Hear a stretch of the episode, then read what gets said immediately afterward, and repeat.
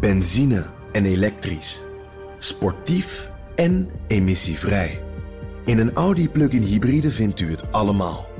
Ervaar de A6, Q5, Q7 en Q8 standaard met quattro vierwielaandrijving. Wat u ook zoekt, u vindt het in een Audi. Audi. Voorsprong door techniek.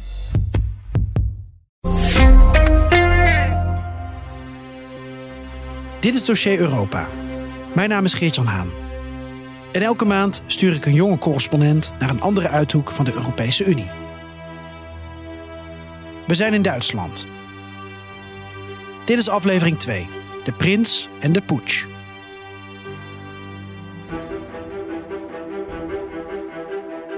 Eind vorig jaar ontsnapte Duitsland de nauwe nood aan een staatsgreep. De Duitse politie arresteerde 25 verdachten, onder wie prins Heinrich Royce XIII uit Turingen en een voormalig bondsdaglid van de rechtsextreme Alternatief voor Duitsland. De terreurprins, zoals Duitse media hem omschreven, droomde van een koninkrijk met hemzelf aan het hoofd. Een knokploeg, die geleid werd door een ex-Bundesweercommando, stond klaar om de weg richting het Rijksdaggebouw in Berlijn vrij te maken. De bondskanselier moest gegijzeld worden. Bloedvergieten was niet uitgesloten. Maar de aanval op de Duitse democratie mislukte dus. De 71-jarige prins Royce blijkt verre familie van Wilhelm II. De laatste Duitse keizer die na de Eerste Wereldoorlog in Huis Doorn belandde. Met zijn ballingschap in Nederland luidde Wilhelm II het einde van het keizerrijk Duitsland in. Dat verlies laat zich voelen bij veel Duitsers, de prins voorop. Tussen de prins en de Oranjes lopen ook nog verschillende lijntjes. Met de arrestatie van prins Royce en de andere verdachten van de vereidelde koep is het gevaar in Duitsland allerminst geweken. De Duitse Veiligheidsdienst heeft in totaal 23.000 Rijksburger in het vizier. Een deel daarvan, niet zomaar fantasten, maar gewelddadige antisemieten, wordt bestempeld als een gevaar voor de Duitse democratie en rechtsstaat.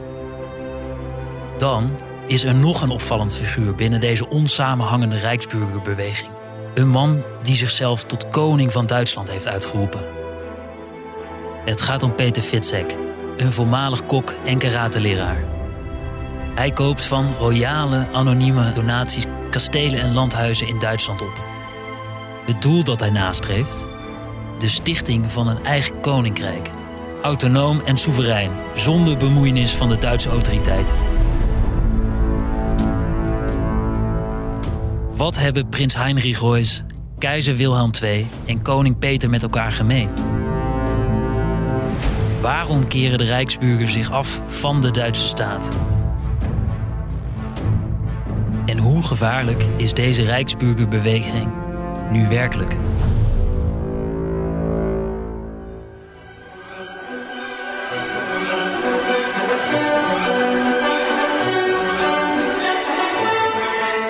Je luistert naar een fragment uit Walkurenrit.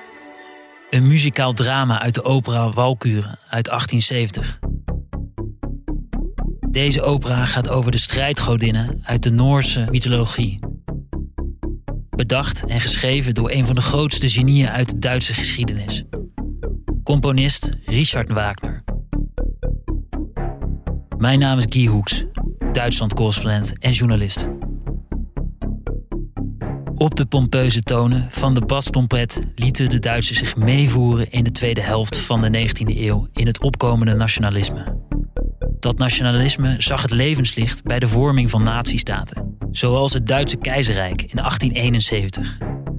Nationalisme was in deze tijd, in het staartje van de 19e eeuw, nog helemaal geen vies woord. En de naties, die er later vaak mee geassocieerd zouden worden, bestonden nog helemaal niet. Maar aan Wagners aardsconservatieve denkbeelden kleefden duistere kanten. Zo was hij een overtuigd antisemiet. Iemand die Joden de schuld gaf van de wereldproblemen. Vijftig jaar na zijn dood werd Wagner als een god vereerd door Adolf Hitler. De man die 6 miljoen Europese Joden en minderheden de dood injoeg. Toch denken veel Duitsers met weemoed terug aan de glorieuze tijd van Wagner, waarin Duitsland muzikaal gezien domineerde. En dan één groep in het bijzonder, de Rijksburger. Voor hen belichamen de klassieke meesterwerken van Wagner het Duitsland in volle glorie en perfectie. IJzersterk, barstend van het zelfvertrouwen en ultranationalistisch. Lange tijd werden de Rijksburgen in Duitsland weggezet als een stelletje fantasten. Ongevaarlijke romantici met een hang naar de rijkhistorie van het oude Duitse keizerrijk, dat tussen 1871 en 1918 bestond. Weinig sinisters aan. Maar op 7 december 2022 schrok de Bondsrepubliek Duitsland wakker. Die zogenaamde Rijksburger vingen voor einigen jaren damit Mijn wekkerradio springt aan. Het is half acht ochtends en buiten schemert het nog. De oranje getinte straatverlichting is nog aan. Een lokale radiozender in Berlijn brengt het schokkende nieuws. Sie sollen den Umsturz des Staates geplant haben, einen Staatsstreich inklusive Sturm auf den Bundestag. Es soll bereits Planspiele dafür gegeben haben und es wurden Schießübungen gemacht. Een staatsgreep in Duitsland? Auf keinen Fall. Dat is onmogelijk. Ik schuif over de parketvloer van mijn altbouwwoning in het Duitse stadsdeel Friedrichshain. Richting mijn laptop en ik tik snel een e-mail aan mijn chef bij de krant. Ha Saskia, groot nieuws uit Duitsland. Landelijke invallen bij meer dan 50 personen die een staatsgreep wilden plegen. Gevaar uit extreemrechtse hoeken en van complotdenkers. Onder de gearresteerden bevinden zich ex-AFD-politici en voormalig Bundesweersoldaten. Ze vormen een terroristische organisatie, al dus de Duitse Veiligheidsdienst, en ze beoogden met geweld de bondsregering af te zetten.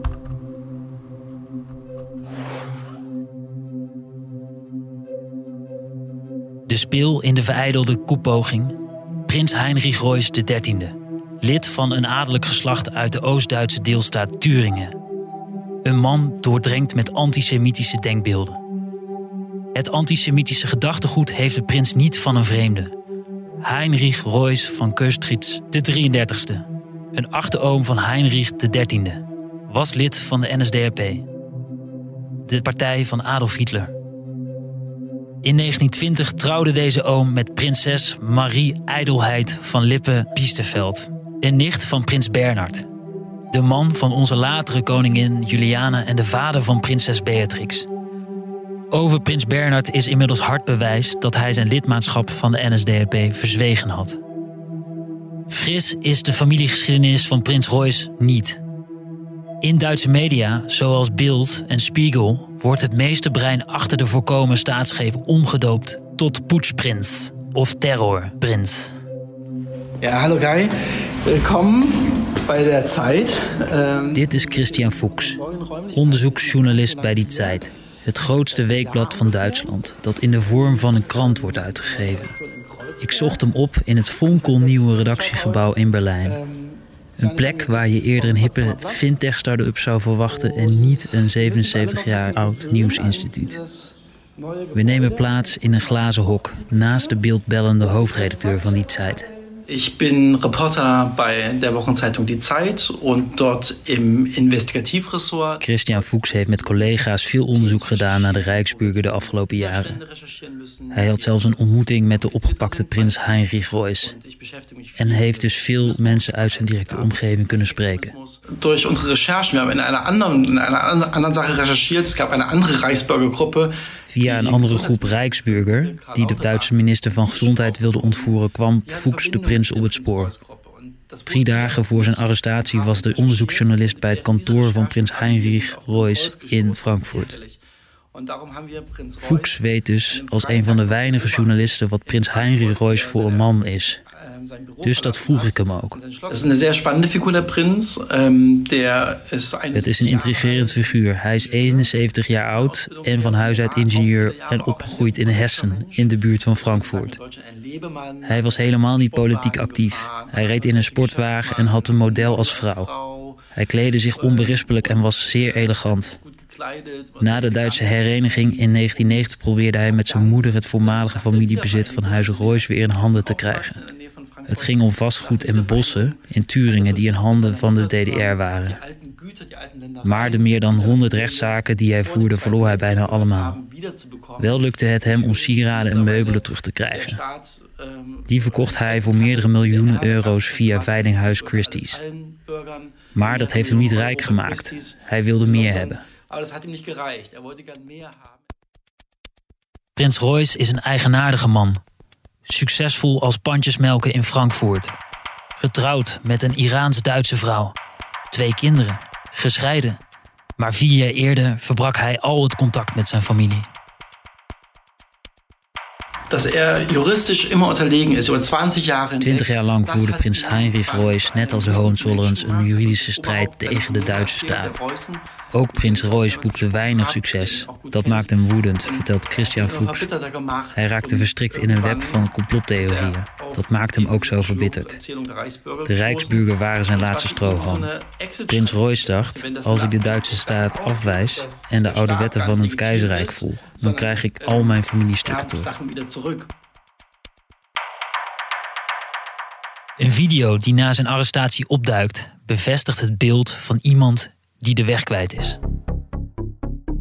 My great grandfather as the Rain Prince was forced to abdicate. 1918, 1919. Mein Urgroßvater als regierender Prinz wurde unter unbegründetem Druck gezwungen, infolge des Ersten Weltkriegs unschuldig abzudanken, da dieser durch Ausländer angestiftet war, was heute bewiesen werden kann. Um, up until then, everything was fine in the principality ruled by Reuss. Bis dahin war alles in Ordnung im Fürstentum Reuss und die Menschen lebten ein glückliches Leben. Denn die Verwaltungsstrukturen waren überschaubar und klar. In een warrige toespraak op het World Web Forum slingert hij de wildste complottheorieën de zaal in. Zo beweert hij dat Duitsland sinds de Tweede Wereldoorlog geen soeverein land is. De geallieerden zouden het voor het zeggen hebben. En het doel van de Eerste Wereldoorlog was om het Joodse volk te laten domineren. Wat de prins precies deed op dit onbekende evenement in de Zwitserse zakenstad vier jaar geleden is ook experts niet helemaal duidelijk. Maar volgens extremismeonderzoeker Jan Ratje was dit wel een omslagpunt in het leven van de prins. Prins Heinrich hat 2019 auf dem World Web Forum De reden van prins Heinrich Royce in Zurich vond veel weerklank bij Rijksburger en andere mensen in Duitsland, Oostenrijk en Zwitserland die zich soeverein wanen. Voor hemzelf was het erg belangrijk om deze standpunten over de bühne te brengen. Hij liet zich hierdoor zien aan de wereld. Later heeft de prins, in een andere reden, een gremium van de Verenigde Naties op de legitimiteit van het Duitse Rijk gewezen. Zijn familie speelde een prominente rol binnen dit Rijk, zo wilde Heinrich Royce benadrukken. Onderzoeksjournalist Christian Fuchs zag de ster van de prins binnen de Rijksburgerbeweging ernaar snel reizen. Man kan zeggen dat door deze video's die van deze veranstaltung. Door deze video's heeft de prins een zeker aanzien gekregen in de Rijksburgerbeweging. Hij was naast iemand die in de onzin geloofde die de Rijksburger verspreidde zelf een prins. Door zijn bloedlijn straalde hij een bepaalde autoriteit uit. De groep mensen om hem heen sprak hem dan ook aan met de titel Koninklijke Hoogheid. Durchlaucht angesprochen und königliche Hoheit. Deze prins behoort tot de Rijksburgerbeweging. Een levensgevaarlijke, terroristische organisatie, zoals je in de vorige aflevering kon horen. Door de verijdelde koep in Duitsland heb ik een topmaand achter de rug. Financieel gezien dan. Ik heb zeven verhalen kunnen tikken. Wen er maar niet aan, zegt mijn chef bij de krant met een knipoog. Toch voelt het ergens dubbel. Ja, lekkere maand voor mij als freelancer. Maar is Duitsland echt ten nauwe nood ontsnapt aan een staatsgreep? Die vraag geeft mij een beklemmend gevoel. Ik besluit om langs de Bondsdag te fietsen. Dem Deutsche Volke. Voor het Duitse volk staat op de voorgevel van het Duitse parlement. Voor dit indrukwekkende gebouw staat een vader gehurkt. Hij helpt zijn zoon een camera vast te houden. Samen leggen ze met wat gehannes het parlementsgebouw vast. Prins Royce wilde het parlement laten bestormen om zelf de macht te grijpen. Zo breekbaar oogt de Duitse democratie dus. Ik moet denken aan een uitspraak van premier Rutte in 2018 over de kwetsbaarheid van de democratie. Dat bezit is broos, is breekbaar, heus, het kan kapot gaan. Zo drukte het AD af in een pagina grote advertentie. Hij vergeleek Nederland met een vaasje dat kan sneuvelen en wees naar Groot-Brittannië. Nu zitten ze daar in chaos. voegt daar Duitsland aan toe, dacht ik direct na de mislukte koepogingen. Duitsland kampt immers met een groot probleem, vooral op extreem rechts. Zo vertelt Thomas Haldenwang, de hoogste baas van de Duitse veiligheidsdienst, de Bundesverfassungsschutz. Ik kan het niet oft genoeg zeggen. Ik kan het niet vaak genoeg benadrukken. Rechtsextremisme is het grootste gevaar voor het rechtssysteem en voor de democratie in Duitsland. Migratie en asiel winnen aan betekenis doordat deze onderwerpen voor verkeerde doeleinden worden ingezet door rechtsextremisme. Er is bovendien een grote affiniteit met wapens. Dat maakt rechtsextremisten extra gevaarlijk. Maar is Duitsland ook echt ontsnapt aan een staatsgreep? Dat vraag ik aan extremismeonderzoeker Jan Ratje. Man darf nicht unterschätzen, welches Potenzial gerade auch in der Gruppe Reuss geschlummert hat. Prins Royce en de Rijksburen waren er zeker niet in geslaagd om de bondsregering omver te werpen. Ook niet met de eventuele steun van de Russen, waarvan sprake zou zijn, was het ze niet gelukt om een nieuw kabinet te installeren. Maar tegelijkertijd waren er mensen met bepaalde kwalificaties bij betrokken, zoals voormalig Bundesweerofficieren. Zij hadden de beschikking over 150.000 kogels, zware wapens en satelliettelefoons waarmee de koepplanners konden communiceren. Daarnaast had Birgit Malzak-Winkeman, een ex parlementariër van de AFD helemaal uitgetekend hoe de soldaten het beste Bondsdag konden binnendringen. Een aanval had grote schade kunnen aanrichten aan het politieke systeem in Duitsland. En uh, dat maakt deze groep dan toch zeer gefährlich.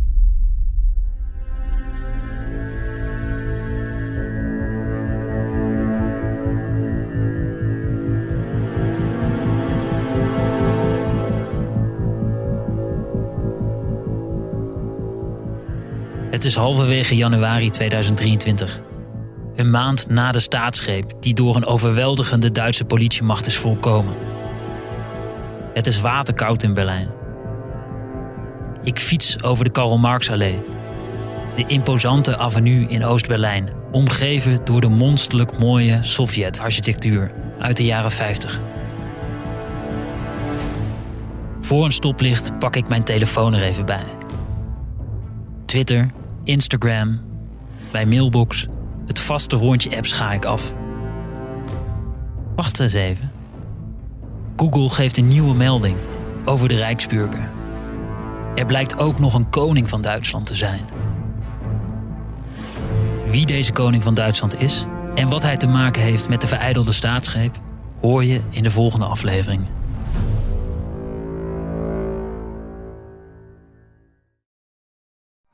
Benzine en elektrisch. Sportief en emissievrij. In een Audi plug-in hybride vindt u het allemaal. Ervaar de A6, Q5, Q7 en Q8 standaard met quattro vierwielaandrijving. Wat u ook zoekt, u vindt het in een Audi. Audi. Voorsprong door techniek.